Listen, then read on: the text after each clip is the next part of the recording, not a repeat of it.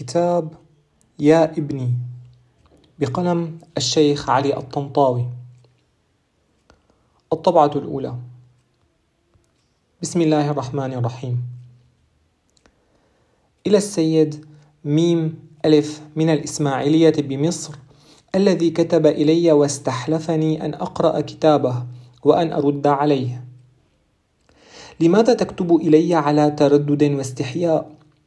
أتحسب أنك أنت وحدك الذي يحس هذه الوقدة في أعصابه من ضرم الشهوة؟ وأنك أنت وحدك الذي اختص بها دون الناس أجمعين؟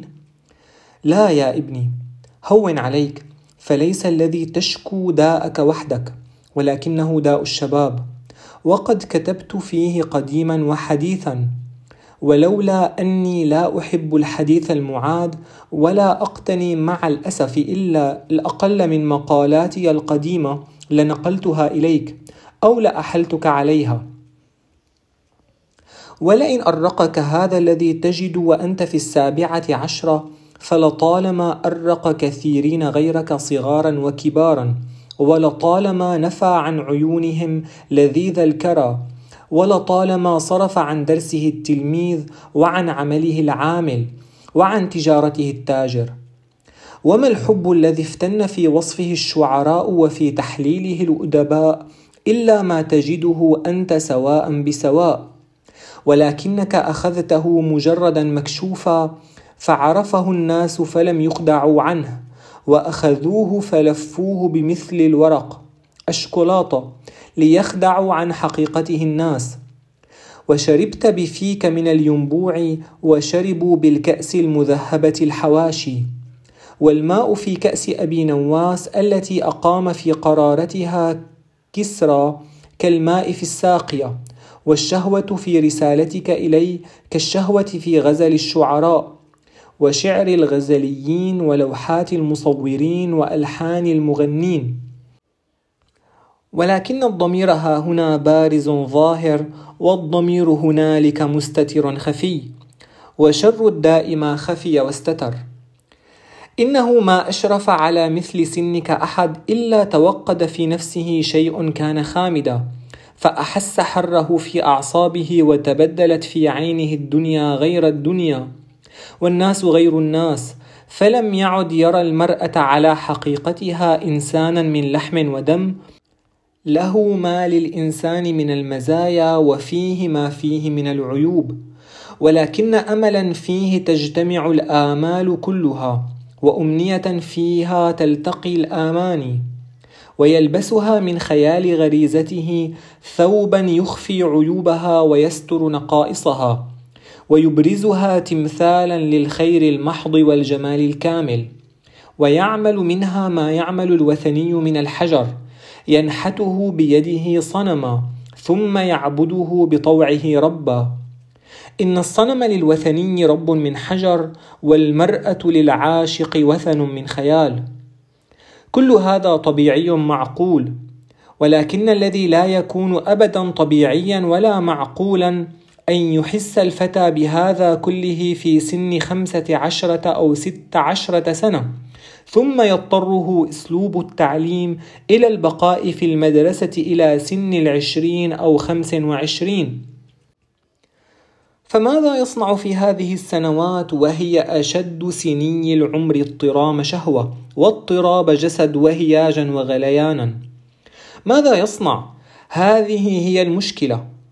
أما سنة الله وطبيعة النفس فتقول له تزوج. وأما أوضاع المجتمع وأساليب التعليم فتقول له اختر, اختر إحدى ثلاث كلها شر ولكن إياك أن تفكر في الرابعة التي هي وحدها الخير وهي الزواج. إما أن تنطوي على نفسك على أوهام غريزتك وأحلام شهوتك تدأب على التفكير فيها وتغذيها بالروايات الداعرة والأفلام الفاجرة والصور العاهرة حتى تملأ وحدها نفسك وتستأثر بسمعك وبصرك. فلا ترى حيثما نظرت إلا صور الغيد الفواتن إلا صور الغيد الفواتن. تراهن في كتاب الجغرافيا إن فتحته وفي طلعة البدر إن لمحته. وفي حمرة الشفق وفي سواد الليل وفي أحلام اليقظة وفي رؤى المنام. أريد لأنسى ذكرها فكأنما تمثل لي ليلى بكل سبيل. ثم لا تنتهي بك الحال إلا إلى الهوس أو الجنون أو انهيار الأعصاب. وإما أن تعمد إلى ما يسمونه اليوم العادة السرية الاستمناء وقد كان يسمى قديما غير هذا وقد تكلم في حكمه الفقهاء وقال فيه الشعراء وكان له في كتب الآداب باب لا أحب أن أدل عليه أو أرشد إليه. وهو إن كان أقل الثلاثة شرا وأخفها ضرا ولكنه إن جاوز حده وكثر استعماله ركب, ركب النفس بالهم والجسم بالسقم وجعل صاحبه الشاب كهلا محطما كئيبا مستوحشا. يفر من الناس ويجبن عن لقائهم ويخاف الحياة ويهرب من تبعاتها. وهذا حكم على المرء بالموت وهو في رباط الحياة. تعليق للكاتب في الهامش لست أدعو إليه ولكن أقرر حقيقة قررها كثير من كبار الأطباء ووافقوا فيها رأي الفقهاء من الحنفية في الجملة. وإما أن تغرف من حمأة اللذة المحرمة وتسلك سبل الضلال وتؤم بيوت الفحش تبذل صحتك وشبابك ومستقبلك ودينك في لذة عارضة ومتعة عابرة. فإذا أنت قد خسرت الشهادة التي تسعى إليها والوظيفة التي تحرص عليها والعلم الذي أملت فيه ولم يبق لك من قوتك وفتوتك ما تضرب به في لج العمل الحر. ولا تحسب بعد أنك تشبع. كلا إنك كلما واصلت واحدة زادك الوصال نهما كشارب الماء الملح. لا يزداد شربا إلا ازداد عطشا ولو أنك عرفت آلافا منهن ثم رأيت أخرى متمنعة عليك معرضة عنك لرغبت فيها وحدها وأحسست من الألم لفقدها مثل الذي يحسه من لم يعرف امرأة قط. وهاك فاروق مثلا. فاروق الملك تعليق في الهامش. وهبك وجدت منهن كل ما طلبت ووسعك السلطان والمال فهل يسعك الجسد؟ وهل تقوى الصحة على حمل مطالب الشهوة؟ دون ذلك وتنهار أقوى الأجساد وكم من رجال كانوا أعاجيب في القوة وكانوا أبطالا في الربع. الربع رفع الأثقال وصاحبه الرباع. تعليق في الهامش. وكانوا أبطالا في الربع والصرع والرمي والسبق. ما هي إلا أن استجابوا إلى شهواتهم وانقادوا إلى غرائزهم حتى أمسوا حطاما.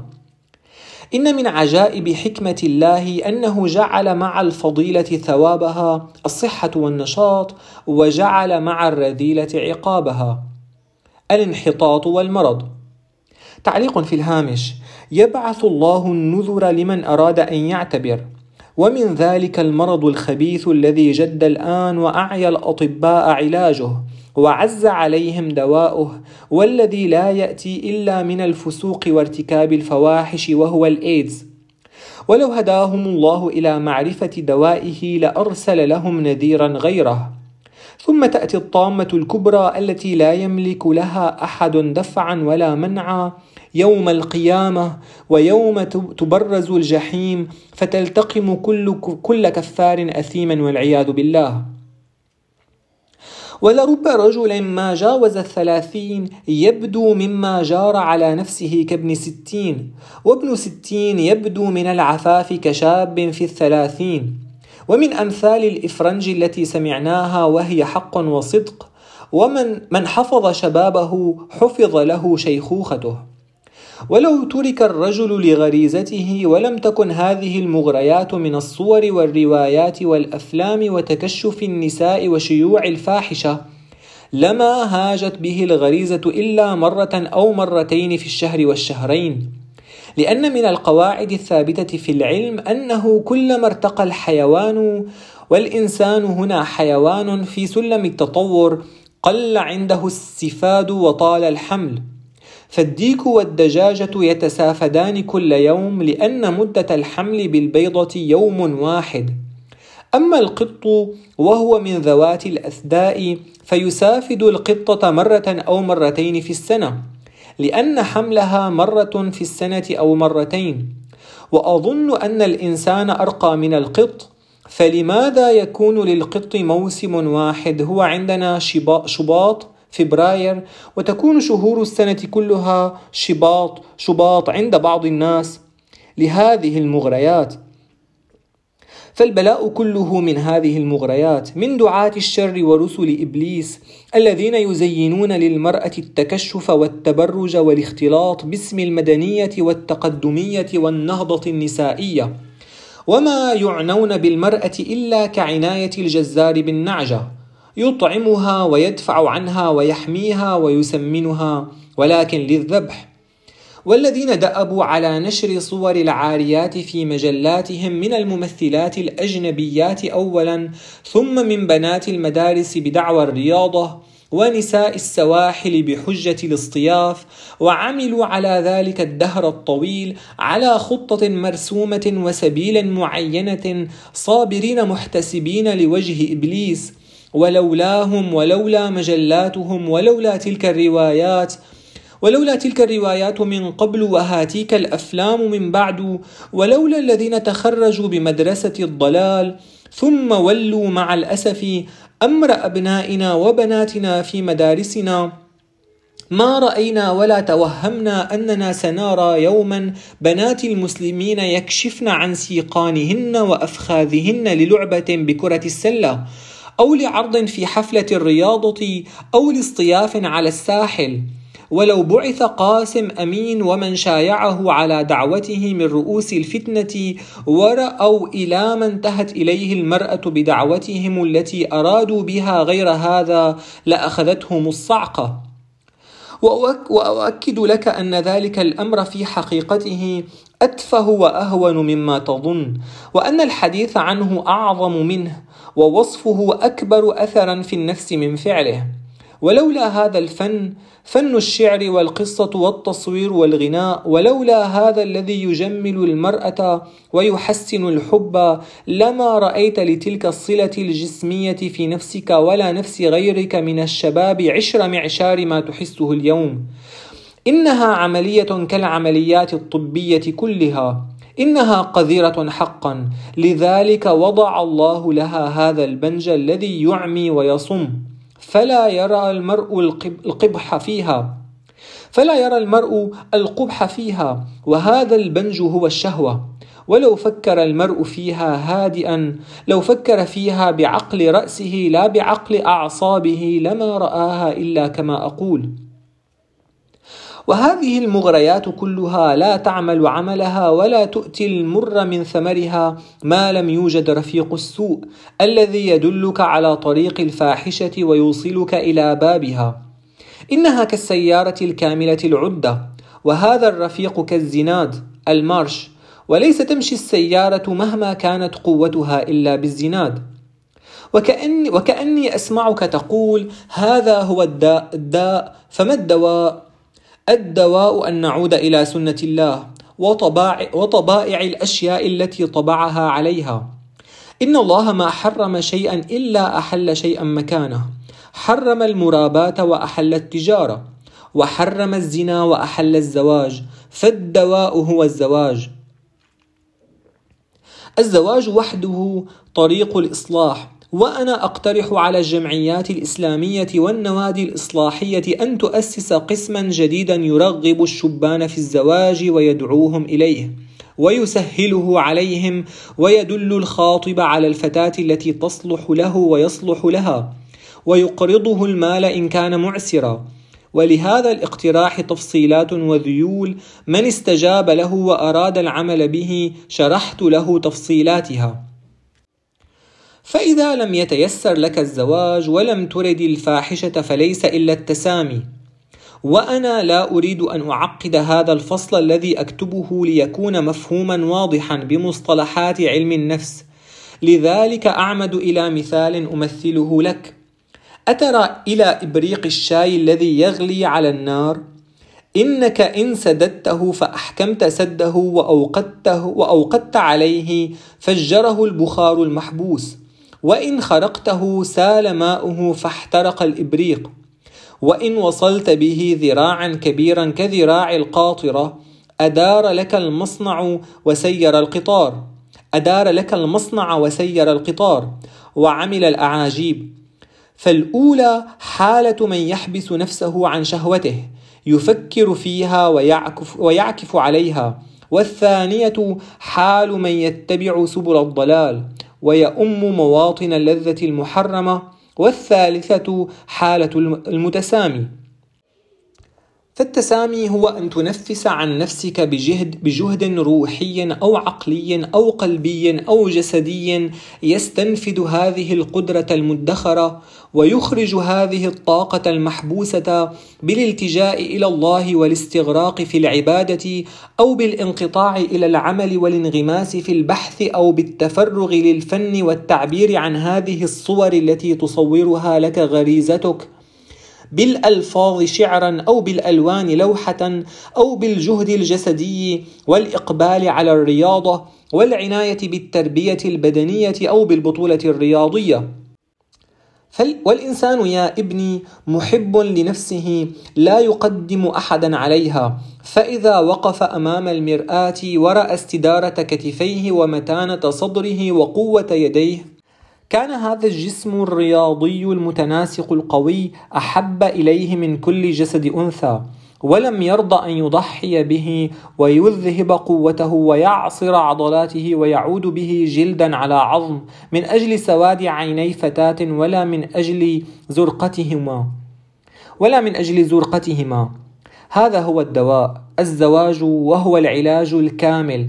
فإن لم, يم فإن لم يمكن فالتسامي وهو مسكن مؤقت ولكنه مسكن قوي ينفع ولا يؤذي. أما ما يقوله المغفلون أو المفسدون من أن دواء هذا الفساد الاجتماعي هو تعويد الجنسين على الاختلاط حتى تنكسر بالاعتياد حدة الشهوة وفتح المحلات العمومية حتى يقضى بها على البغاء السري فكلام فارغ. وقد جربت الاختلاط أمم, أمم الكفر فما زادها إلا شهوة وفسادا. تعليق في الهامش وهذه الأمم الإسكندنافية أطلقت لغرائز أبنائها العنان فصنعوا ما شاء لهم هوى نفوسهم. فهل سعدوا؟ أليست بلادهم أكثر البلاد انتحارا وانهيار أعصاب واستهلاكا للمخدرات والمهدئات وكل ما يعين على الهرب من معركة الحياة؟ أما المحلات العمومية فإننا إذا أقررناها وجب أن نوسعها حتى تكفي الشباب الشبان جميعا. وإذا فينبغي أن يكون في القاهرة أكثر من عشرة آلاف بغي لأن في القاهرة من أصل المليونين ونصف المليون من سكانها مئتي ألف شاب من على الأقل. وإذا نحن جو جوزنا للشباب ارتيادها فاستغنوا بذلك عن الزواج فماذا نصنع بالبنات؟ هل نفتح لهن محلات عمومية فيها بغايا من الذكور؟ كلام فارغ يا ابني والله وما تقوله عقولهم ولكن غرائزهم. وما يريدون اصلاح الاخلاق ولا تقدم المراه ولا نشر المدنيه ولا الروح الرياضيه ولا الحياة الجامعيه انما هي الفاظ يتلمظون بها ويبتدعون كل يوم جديدا منها يهولون به على الناس ويروجون به لدعوتهم وما يريدون إلا أن تخرج لهم بناتنا وأخواتنا ليستمتعوا برؤية الظاهر والمخفي من أجسادهن وينالوا الحلال والحرام من المتعة بهن. ويصاحبوهن منفردات في الأسفار ويراقصوهن متجملات في الحفلات. ويراقصوهن متجملات في الحفلات. وينخدع مع ذلك بعض الآباء فيضحون بأعراض بناتهم ليقال أنهم من المتمدنين. وبعد يا ابني فلا تتردد في الكتابة إلي إن لم يكن إن لم يرضك هذا الجواب. ولا تستحي مما تجد من حر هذه الشهوة التي ركبها الله في النفس. إنها علامة القوة والأيد والشباب. وعليك بالزواج ولو أنك طالب لا تزال. فإن لم تستطعه فاعتصم بخوف الله والانغماس في العبادة والدرس والاشتغال بالفن. وعليك بالرياضة فإنها نعم العلاج. والحديث طويل وهذا ما اتسع له مجال المقال ومن استزادني زدته رسالة إن شاء أو مقالة إن شاء الناشرون.